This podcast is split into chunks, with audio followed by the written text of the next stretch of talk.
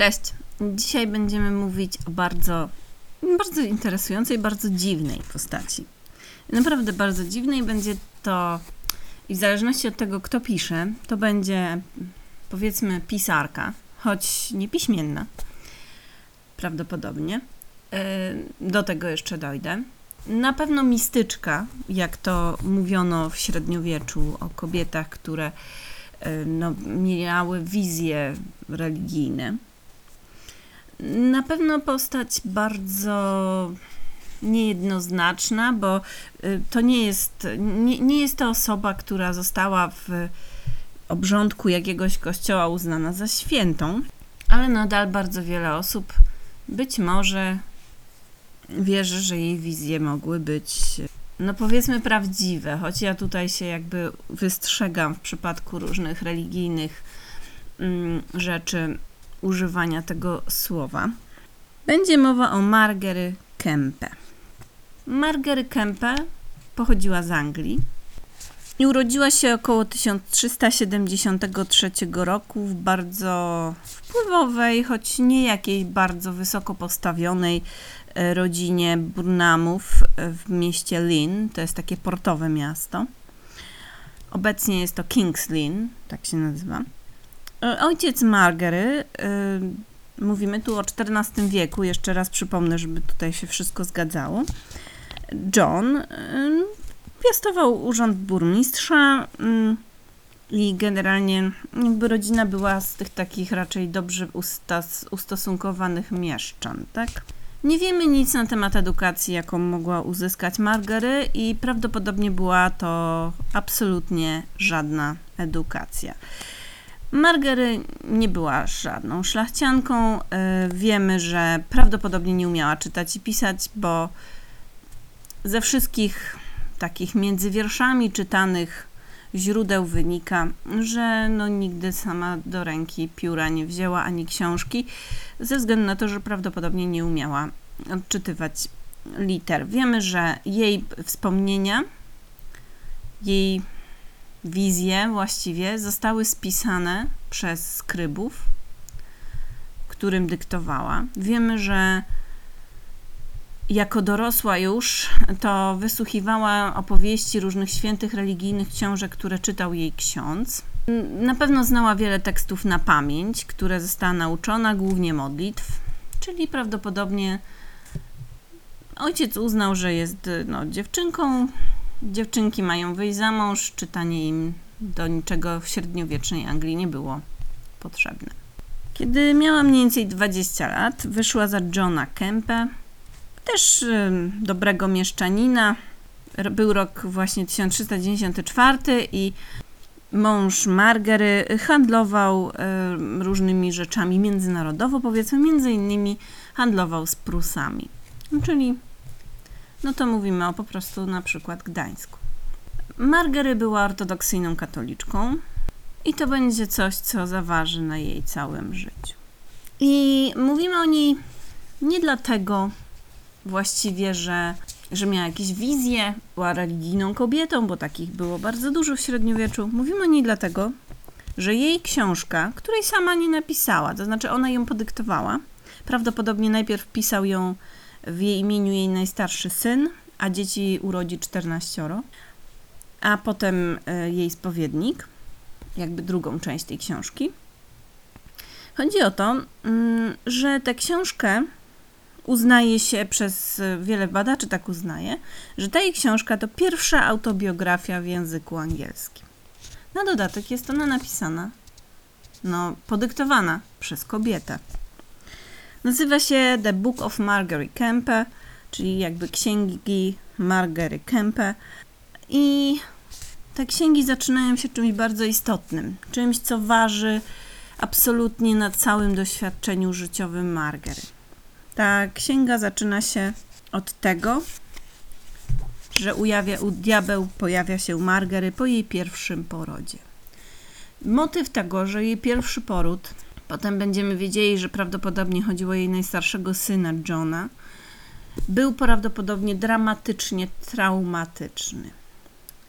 E, I E, Obecnie właściwie we wszystkich świeckich źródłach mamy tutaj informację, że wszystko wskazuje na to, że Margery po tym porodzie zapadła na psychozę poporodową, co się oczywiście mogło po prostu zdarzyć, e, a w średniowieczu przecież no, takich jednostek chorobowych no, nie było. Przez długie miesiące po tym bardzo trudnym porodzie Margery widziała demony z różnymi paszczami wypełnionymi płomieniami, które z, nią, z niej szydziły. Kazały jej się wyrzec chrześcijaństwa. E, Ten kryzys trwał w ogóle około 8 miesięcy. Tak? Widziała różne mroczne postacie, słyszała mroczne podszepty, samookaleczała się y, do tego stopnia, że to wbijała sobie paznokcie w skórę, rozcinała dłonie, miała potem blizny do końca życia. Myślała także o samobójstwie, ale jej pilnowano. Y, No i generalnie wiecie, no, no to było na pewno przerażające, straszne doświadczenie młodej kobiety w psychozie poporodowej, tak? Dzisiaj jest to do opanowania dzięki nowoczesnej psychiatrii. No, na początku XV wieku, pod koniec XIV, no, no to nie jest coś, co było możliwe do wyleczenia. Osiem miesięcy trwała ta męka, kiedy jej pilnowano, kiedy ona trwała w tej takiej no, mózgowej matni. I pewnego wieczoru nastąpił jakiś przełom i pojawił jej się w wizji Jezus Chrystus w purpurowej szacie, który usiadł na skraju jej łóżka. E, Spytał, córko, czemuś mnie opuściła, skoro ja ciebie nigdy nie zostawiłem? Tu widzimy, że w jej głowie w tej mózg wyprodukował te wizje z różnych słów, które znała z religijnych pism. No i choroba, powiedzmy, w tej formie najsurowszej opuściła Margery, to znaczy no, nastąpiło zła, złagodzenie objawów, choć no tutaj w opiniach takich już po latach no, wynika, że jednak ta, e, to doświadczenie od, odcisnęło piętno na jej psychice na resztę życia, bo Margery postanawia się od tej pory oddać e, no, Bogu po prostu, tak? E, Pragnie także żyć w czystości, to znaczy w celibacie, co jest również zrozumiałe, rozumie to każda kobieta po porodzie. Marzenie o życiu w celibacie przychodzi wtedy wyjątkowo prosto. E, No ale tutaj mm, nie nabijam się tym z Margery, mm, broń Boże, mm, że tak powiem, religijnie w temacie, bo no, to była jej prawo o tym marzyć zwłaszcza po tak trudnych doświadczeniach porodowych. E, Jednak Margary nie miała nic do powiedzenia, bo na to musiałby zgodzić jej mąż, który, no jak się domyślacie, nie wyraził zgody, bo powiedziałam wam wcześniej, że nastąpi 14 porodów w życiu Margary. I teraz jeszcze mm, tak, właściwie prawie no, wszystko, co wiemy o Margary, wiemy z tej jej autobiografii. Dlatego to, co ja będę dziś opowiadać, mm, no to będą rzeczy, które ona opowiedziała o sobie. Będziemy je interpretować w odnośnie, powiedzmy, realiów epoki, ale no musimy to jakby troszeczkę przepuścić przez palce, tak, troszeczkę uznać, że to była pewna kreacja, tak, to była zabieg wręcz artystyczny, zwłaszcza, że to jest bardzo ciekawe, bo e, nie dość, że jest to pierwsza autobiografia w języku angielskim, nie dość, że jest to pierwsza autobiografia w języku angielskim, na dodatek napisana przez kobietę, ale jeszcze jest tam bardzo ciekawy zabieg, powiedzmy, literacki, dziś byśmy to tak nazwali, bo ona pisze o sobie w tej biografii e, jakby w trzeciej osobie i nazywa siebie The Creature. Trochę jak Gollum we Władcy Pierścieni mówił o sobie The Creature, e, ale w każdym razie chodzi o to, że nazywa siebie stworzeniem jakby, tak? Stworem. The Creature y, robił coś tam, tak? Stwór z, zrobił to i to. Ona w ten sposób dyktuje tę swoją opowieść. To jest bardzo dziwne. Jest takie, tak jakby się troszeczkę taka dysocjacja nastąpiła, jakby ona się oddzieliła od samej siebie, pisząc o samej siebie. Jest to bardzo, bardzo ciekawe w sumie. No i tak Margaret rodzi te dzieci temu mężowi, a jednocześnie prowadzi bardzo ekspresyjne, publiczne życie religijne. Miewa także halucynacje. Ma wizję y, siebie jako aktywnej uczestniczki podczas porodu i y, Jezusa oraz jego ukrzyżowania. Ma halucynacje, które mm, sprawiają, że coś słyszy i czuje dziwne zapachy. Mm, Widzimy tutaj ewidentnie objawy jakieś padaczkowe, y, które no, dziś pewnie można by łatwiej zdecydowanie zdiagnozować. No ale cóż, jedyne co może zrobić, y, będąc jeszcze młodą kobietą i nie mogąc zaprzestać rodzenia dzieci ze względu na bycie uwi- uwięzioną w małżeństwie, powiedzmy, no to y, chodzi po nawet trzy razy dziennie do spowiedzi, mm, codziennie do kościoła, nosi włosiennicę, mm, generalnie no, no umartwia się, tak to trzeba tak to powiedzmy nazwać.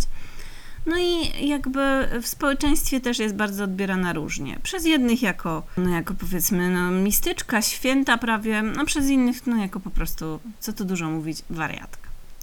Jako kobieta, powiedzmy już taka bardziej przy ziemi, prowadziła dwa takie biznesy domowe, co było akurat w Anglii wtedy dosyć e, naturalne dla kobiet, e, takich właśnie prowadzących domostwo.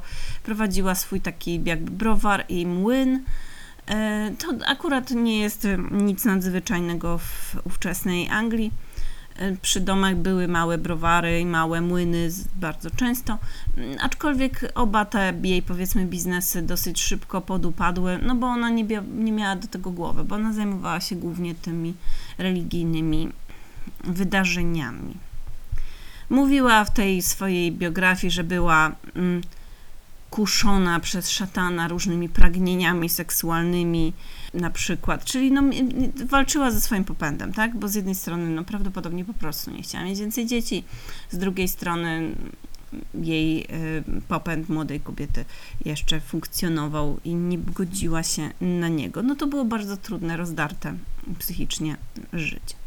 Jej ostatnie dziecko, zresztą te czternaste, mm, rodzi podczas jednej ze swoich pielgrzymek ym, i wraca, wychodzi z domu bez dziecka, wraca z dzieckiem powiedzmy e, pod pachą. Także mm, no, wi- wiemy, że tutaj ten celibat no, nie był dochowany, czy z, wyłącznie nie z jej winy. Winę tutaj biorę w cu- cudzysłów, bo nie znamy tutaj żadnych okoliczności szczegółowych. Czy ona faktycznie po prostu ulegała tym podszeptom szatana, wiecie, no i chodziła jednak do łóżka ze swoim mężem. Tego nie wiemy, no ale było jak po prostu było. W 1414 roku uzyskuje od męża pozwolenie, bo musiała uzyskać na wszystko od męża pozwolenie, by udać się na pielgrzymkę do Jerozolimy. I ta pielgrzymka do Jerozolimy jest w pewnym sensie taka przełomowa, bo tam następuje e, co pierwszy raz taki wybuch jej bardzo głośnego, ostentacyjnego, takiego na granicy krzyku, płaczu, który stanie się jej znakiem rozpoznawczym. No bo dozna tam oczywiście jakiegoś religijnego uniesienia. Y, Musicie wiedzieć, że właśnie w XV-wiecznej mm, Europie pielgrzymki do Jerozolimy były bardzo już modne i podobnie jak bardzo wielu innych pielgrzymów, Margery wjechała do Jerozolimy na osiołku, niczym Jezus, wiecie, co też było bardzo popularnym zabiegiem. To znaczy, y, myślę, że możemy sobie to wyobrazić tak, że mm, była taka turystyka religijna i przed wjazdem do Jerozolimy stali pewnie lokalni biznesmeni ze swoimi osłami, które wynajmowali, by pielgrzymi mogli na nich wjechać do świętego miasta. E, Nie różni się to za bardzo od dzisiejszych e, różnych zabiegów turystycznych, prawda? Czy tam wynajmowania wielbłądów pod piramidami, żeby sobie zrobić na nich zdjęcie. Jest to oczywiście z perspektywy dzisiejszego człowieka bardzo nieetyczne. Mm, Mówię o dzisiejszych czasach, bo wtedy rzecz jasna zupełnie inaczej patrzono na y, zwierzęta. No ale dzisiaj osoby, które wynajmują sobie zwierzęta, by robić sobie z nimi zdjęcia, no, no nie wiem, nie widzę tego jakoś specjalnie pozytywnie. No w każdym razie Marger jedzie do tej Jerozolimy, przeżywa tam religijne uniesienia. Od tamtej pory te jej krzyki i płacze publiczne będą bardzo popularnym jej, popularną jej metodą na to, by e, manifestować swoją religijność. No i e, po tej pielgrzymce, no jej pobożność rzecz jasna tylko się powiększa. Staje się Margery y, coraz bardziej rozpoznawalna w regionie. Jedni ją, tak jak mówiłam, uwielbiają. Inni uważają ją za wariatkę bądź za po prostu bluźnierczynię, ponieważ Margery zaczyna nosić białe szaty, y, które mm, jako mężatce jej nie przynależały w tamtym społeczeństwie. Białe szaty mogły nosić tylko mniszki albo no po prostu dzieci. Y, Tak pisze o sobie Kempe w tym tej swojej książce, biografii. Pam, przypominam, że ona pisze o sobie w trzeciej osobie, tak jakby ktoś to relacjonował, ale bierzcie pod uwagę fakt, że to są jej własne słowa. Kiedy wróciła do domu do Anglii, na początku jej płacze zdarzały się rzadko, może raz w miesiącu, później raz w tygodniu, w końcu codziennie i jednego razu zdarzyło się 14 płaczów jednego dnia, a następnego 7, kiedy odwiedzał ją Bóg. Czasami w kościele, czasami na ulicy, czasem w komnacie, czasami na polach, kiedy tylko Bóg chciał je zesłać, gdyż, gdyż nie znała ani czasu, ani godziny, w której nadejdą, a nigdy nie przychodziły bez niezrównanej słodyczy oddania i kontemplacji.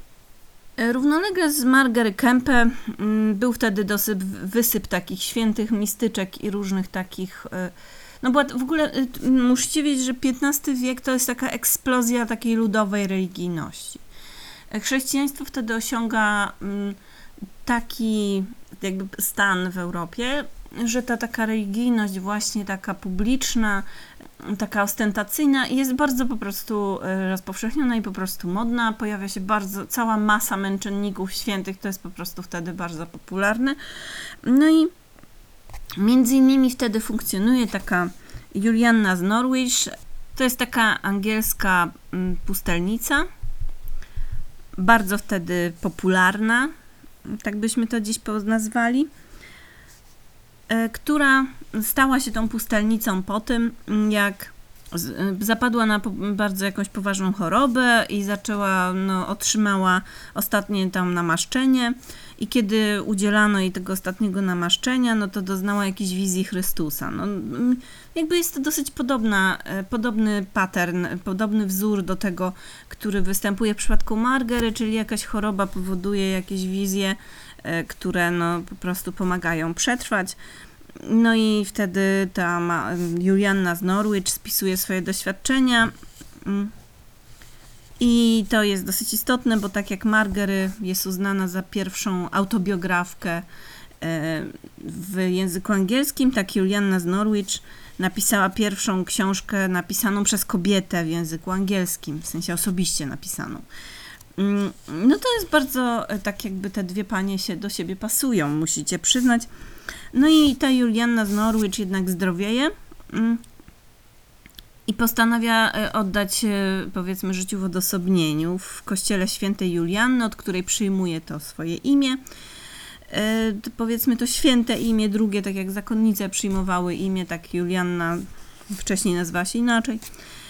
Podczas specjalnej ceremonii Julianna zostaje zaprowadzona do swojej celi, zapieczętowane zostanie do niej wejście, zostaje tylko takie okienko, przez które będą jej podawać różne rzeczy. E, No i poświęci się modlitwie i służbie w pewnym sensie lokalnej społeczności, która ta służba polega mniej więcej na tym, że ludzie przychodzą pod jej okienko i proszą o radę, tak? W zamian dają jej jakąś jałmużnę, datki, jedzenie, no takie rzeczy. No takie życie w klatce, które sama Julianna sobie wybrała. Okej. E, Ma jako towarzysza kota, więc dziura jest wystarczająco duża, żeby kot tam wchodził i wychodził. Dlatego potem na przedstawieniach takich późniejszych Julianny z Norwich jest przedstawiana z kotem, bo ona po prostu miała tam kota w tej celi. Mm, No w każdym razie Margery do tej Julianny z Norwich się udaje, żeby jej opowiedzieć o swoich wizjach. No i panie znajdują nić porozumienia. Julianna chwali, że ma Margary za ich, jej pobożność i w ogóle, no generalnie następuje taki, wiecie, no ale fajnie, fajnie, fajnie rozumiemy się doskonale, bo mamy podobne mm, doświadczenia.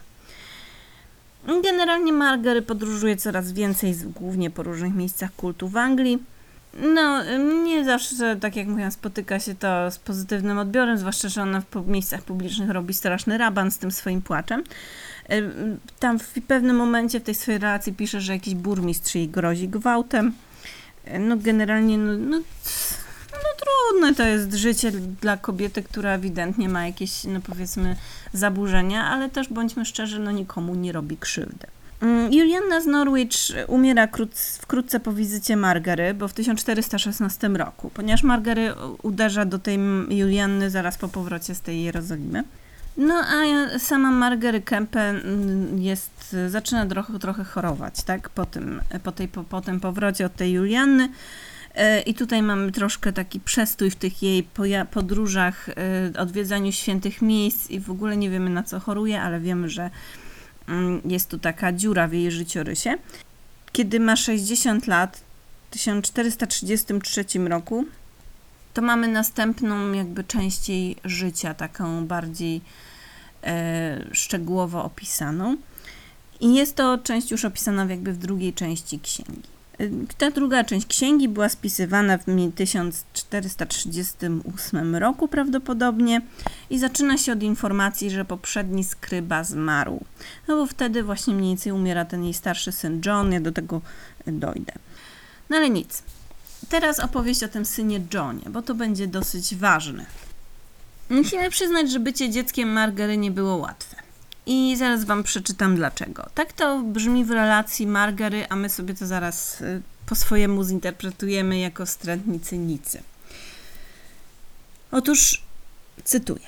To stworzenie, tak jak mówiłam, ona napisała sobie The Creature, e, miało syna, wysokiego młodego mężczyznę, który terminował u szlachetnego mieszczanina w Lynn, handlując towarami i wysyłając je za morze.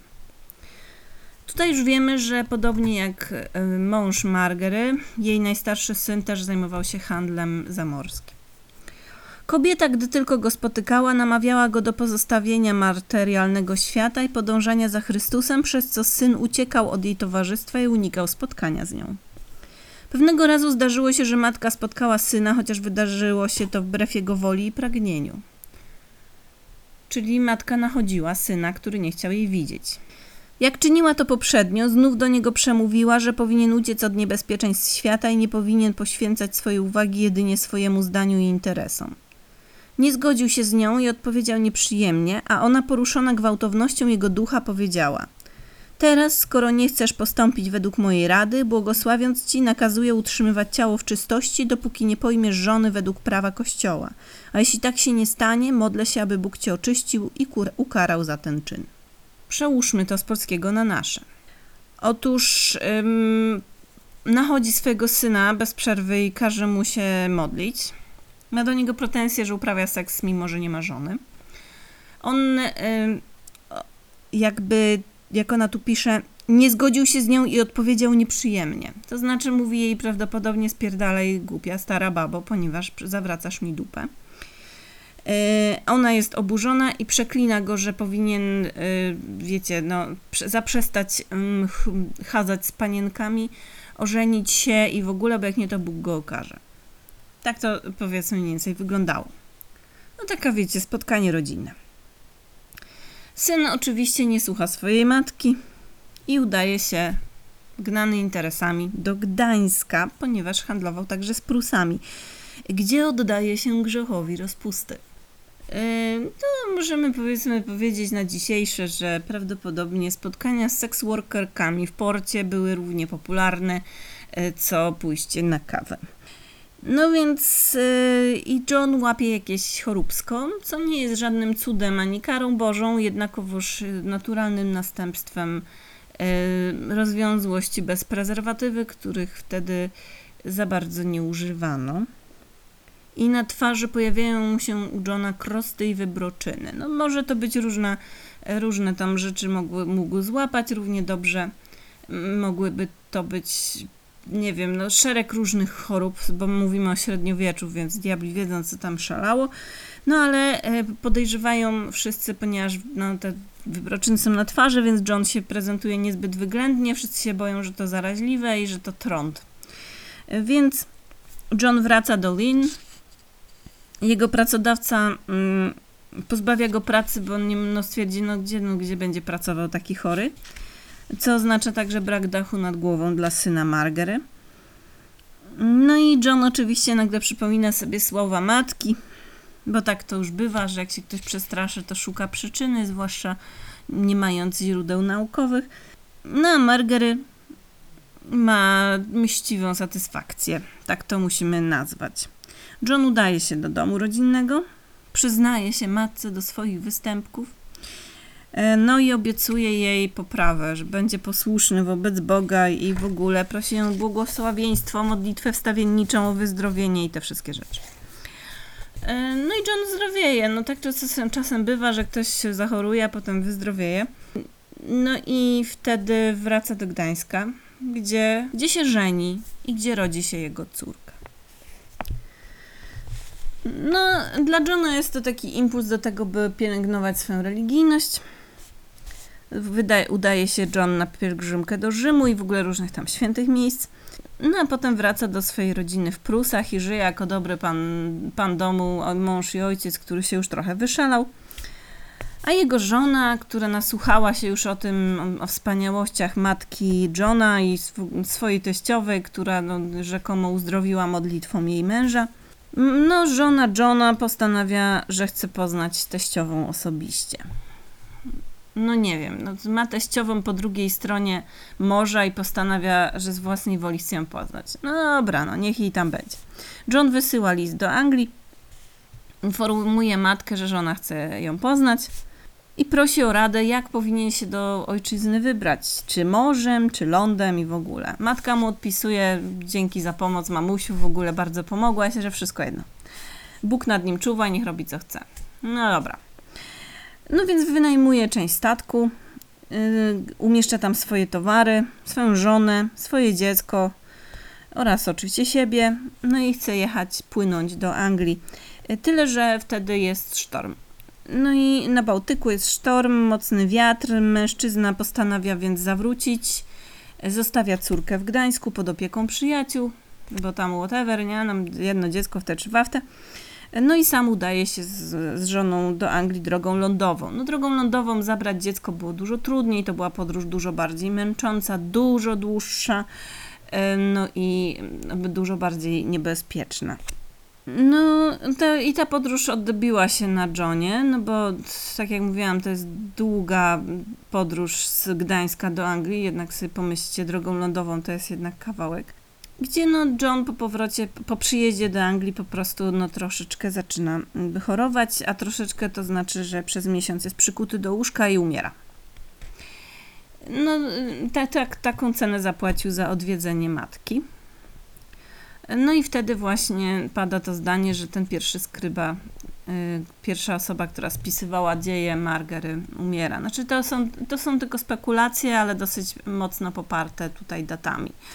Y, niedługo później umiera mąż Margery, y, ale nie, nie wzbudza to w niej jakichś dramatycznych chyba uczuć. I w ogóle jeśli chodzi o Margery, to w tej księdze, którą ona kazała spisać, w ogóle nie pada imię jej syna. E, to znaczy dopiero niedawno badacz, który nazywa się Sebastian Sobecki, e, szukał śladów po synu Margary w Gdańsku i tam właśnie znalazł w archiwum państwowym e, list wystawiony dla syna Margery przez miejskie władze.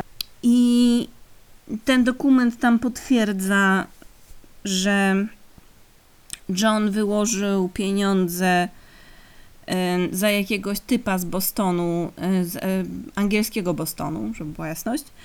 Władze miasta tam proszą adresatów tego listu właśnie e, między innymi Johna o odzyskanie tych pieniędzy. Nie wiem za bardzo, e, to jest dosyć zawiłe, ja wiem, że to brzmi zupełnie bez sensu, ale na koniec sens tego wszystkiego jest taki, że powód wyjazdu do, do, tego, do tej Anglii był dwojaki. Odwiedzenie matki na pewno, ale z tego listu wynika, że on tam pojechał też załatwiać biznesy, że musiał odzyskać pieniądze. W każdym razie, no tutaj mamy w takim razie niejasność, czy ta podróż była podyktowana wyłącznie miłością do matki, czy po prostu stwierdził, ej, e, to ja w takim razie napiszę do matki, że ty chcesz ją bardzo odwiedzić i dzięki temu będziemy mieli e, sobie mogli mieszkać u niej z Afriko, a ja w tym czasie załatwię biznesy, a ty poznasz moją mamusię, nie? Mogło tak być. No, e, umiera John e, tam u matki w Anglii po tej podróży bardzo długiej lądowej. a żona jego y, zostaje w tym Lin w Anglii z teściową jeszcze przez półtora roku. Przypominam, że jej córeczka jest gdzieś u znajomych w Gdańsku, y, no ale najwyraźniej nie jest to jakiś dramatyczny problem. No, postanawia ona jednak po, tych, po tym czasie mm, jednak wrócić do Gdańska, a Margery wpada na pomysł, że ona z tą swoją synową razem z nią po prostu do Gdańska pojedzie.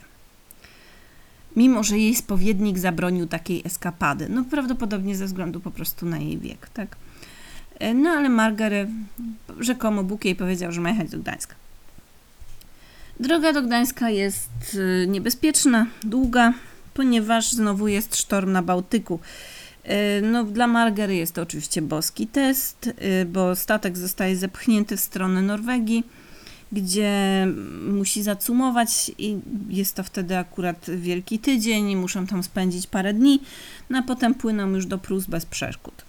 Oczywiście dla Margery wszystko to jest znakiem jakimś od Boga na różne rzeczy, no ale to, to nie, nie jest specjalnie dziwne. No i Margery znajduje się w Gdańsku.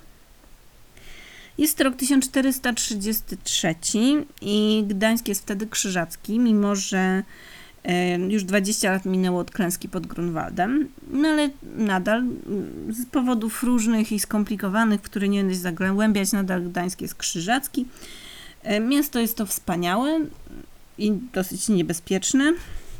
Pełni rozwinięte, średniowieczne, opasane murami, fosą. Od strony Motławy ma różne bramy wodne, w tym żuraw, chociaż nie wygląda on jeszcze tak, jak widzimy go dzisiaj. W Gdańsku można też odbywać e, pielgrzymki różne, bo to nadal jest średniowieczne miasto. I jest w trakcie wznoszenia ten wielki kościół, ogromny gdański. Jeśli byście w Gdańsku, to kościół w niebowzięcia Najświętszej Marii Panny jest to ol- olbrzymie, olbrzymia budowla. On jest wtedy w trakcie budowy, choć pracę rozpoczęto w 1343 roku. No to 100 lat później stoi większość murów, ale część budynku jeszcze nie ma dachu. Wieża też jest jeszcze nieukończona. Jest to jednak już miejsce pielgrzymek. Głównie dlatego, że już tam się gromadzą różne, y, gromadzi różne relikwie, które są wtedy bardzo modne. Tak ona pisze o sobie w Gdańsku. To stworzenie przebywało w Gdańsku przez jakieś 5 bądź 6 tygodni i było ciepło przyjęte przez wielu ludzi w imię miłości naszego Pana. Zamierzało w mie- mieście zostać jeszcze przez jakiś czas, nasz Pan nakazał jej jednak opuszczenie krainy. Nie chciała podróżować morzem, chociaż miała taką możliwość, ponieważ zlękła się morza w drodze do tego miejsca. Z drugiej strony nie mogła bez przeszkód podróżować lądem, ponieważ w kraju, w którym, który miała przemierzyć, trwała wojna. No tak, e, i teraz tutaj Margary mówi, że och, ona bardzo chciała zostać w Gdańsku, no ale Bóg jej kazał wracać. A my tutaj widzimy coś innego. Wojna, o której ona mówi, no to jest konflikt państwa zakonnego z Polską oczywiście. I kiedy Margery przybywała w Gdańsku, no to siły wtedy polsko-czeskie znajdowały się już bardzo blisko miasta, no bo zamierzały przejąć Gdańsk. Zatem Margery po prostu wiedziała, że no wiecie, że za chwilę tutaj wtargną wojska, no i to, no i to nie Bóg jej kazał wracać, tylko zdrowy rozsądek, który szczęśliwie jeszcze miała, nakazał jej spierdzielać z miasta, do którego za chwilę wejdzie wojsko. No to nic, nie było żadne dzikie religijne mm, uniesienie, no ale jeżeli ona chce w to chciała w to wierzyć, że to był nakaz Boga, no to spoko, no w końcu to była jej autobiografia, jej prawo.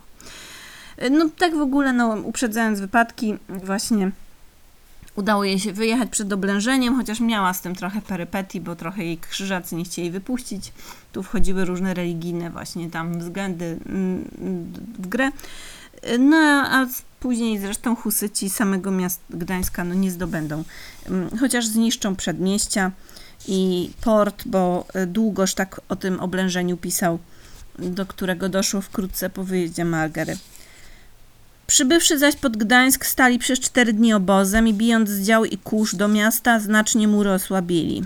Port zburzyli Polacy i znieśli do szczętu, po czym wszystko wojsko, tak konne jak i piesze, rzuciwszy się w brud morski, jak tylko mogło najgłębiej, po falach wyprawiało sobie gonitwy. Wielu spoś, zaś spośród Czechów nalewało wodę morską we flaszki i zanosiło ją potem do swoich na pamiątkę tak dalekiej wyprawy. No z tego opisu Długosza wygląda to prawie tak, jakby się w konikach i w pław bawili na brzegu morza, a potem zbierali pamiątki, e, nie wiem, po prostu na dmuchanych jednorożcach czy coś. E, No ale e, zakładam, że po prostu zrobili burdę w porcie i wyjechali. No ale Margaret zdążyła przedtem mm, wyjechać. Jeszcze po drodze tam odwiedziła parę miejsc, jakiś akwizgrant zdaje się, no i wróciła mm, do Anglii. Umarła na pewno po 1430 roku, ale no, nie wiemy tak naprawdę gdzie, kiedy dokładnie. Mm. Trochę tutaj nam umyka jej, e, jej śmierć. Tak? Ona wyjeżdża z, z Prus, z Gdańska e, w 1434. Potem wiemy, że przebywa w różnych miejscach, jeszcze odwiedza, no już nie ma męża, który może jej zabronić gdzieś jeździć, więc jeszcze trochę, jako już dosyć starsza, zwłaszcza jak na średniowieczne normy kobieta, e, no podróżuje, więc jakąś kondycję tam nawet ma. No i wiemy, że no jej, jej ślad się gdzieś urywa w 1438 roku, g- kiedy jeszcze wiemy, że żyje i wtedy tam spisuje właśnie tą drugą część tych swoich wspomnień. Ale jak długo potem zmarła, trudno powiedzieć. Y, Katolicy specjalnie Margery nie poważają. Wiem, że Anglikanie mają jakieś wspomnienie po Margery gdzieś w swoich y, obrządkach. Trudno mi tam się w tym rozeznać, mówiąc szczerze. Na pewno właśnie przeszła do historii jako pierwsza autobiografka e, w historii Anglii, co jest rzeczywiście jakimś osiągnięciem. No i tak, no i to jest właściwie tyle, jeśli chodzi o Margery. Nie mam żadnej wzmianki o tym, żeby był znane miejsce jej pochówku, więc prawdopodobnie miejsce jej pochówku e, nie jest znane, to podobnie jak nie jest znane miejsce i moment jej śmierci gdzieś pod koniec życia prawdopodobnie nie, no może nie miała już siły biegać po ulicach i głośno krzyczeć, więc trochę została e, zapomniana, ale zadbała o to, by ją zapamiętano, bo dopilnowała, by spisano jej życie, uznała je za na tyle ważne i interesujące, by je spisać i wspaniale, jakby e, dzięki temu mamy wgląd w pewien taki rys średniowiecznej religijności e, w Anglii, co, co jest zupełnie, zupełnie ciekawe. Choć e, rzecz jasna trzeba wszystko, co napisała, no, brać pod uwagę w taki sposób, że to była też jednak pewna, mm, pewna kreacja. Tak jak z tym boskim nakazem wyjazdu z Gdańska, podczas gdy, no wiecie, w ruchu bram. No to może i Bóg kazał, ale y, zdrowy rozsądek na szczęście przezwyciężył, bo nikomu przecież nie życzymy mieszkać w oblężonym y, miejscu. E, No i tyle. Mam nadzieję, że Wam się ta dziwna opowieść o naszej przeciekawej w sumie Margery podobała. Do usłyszenia.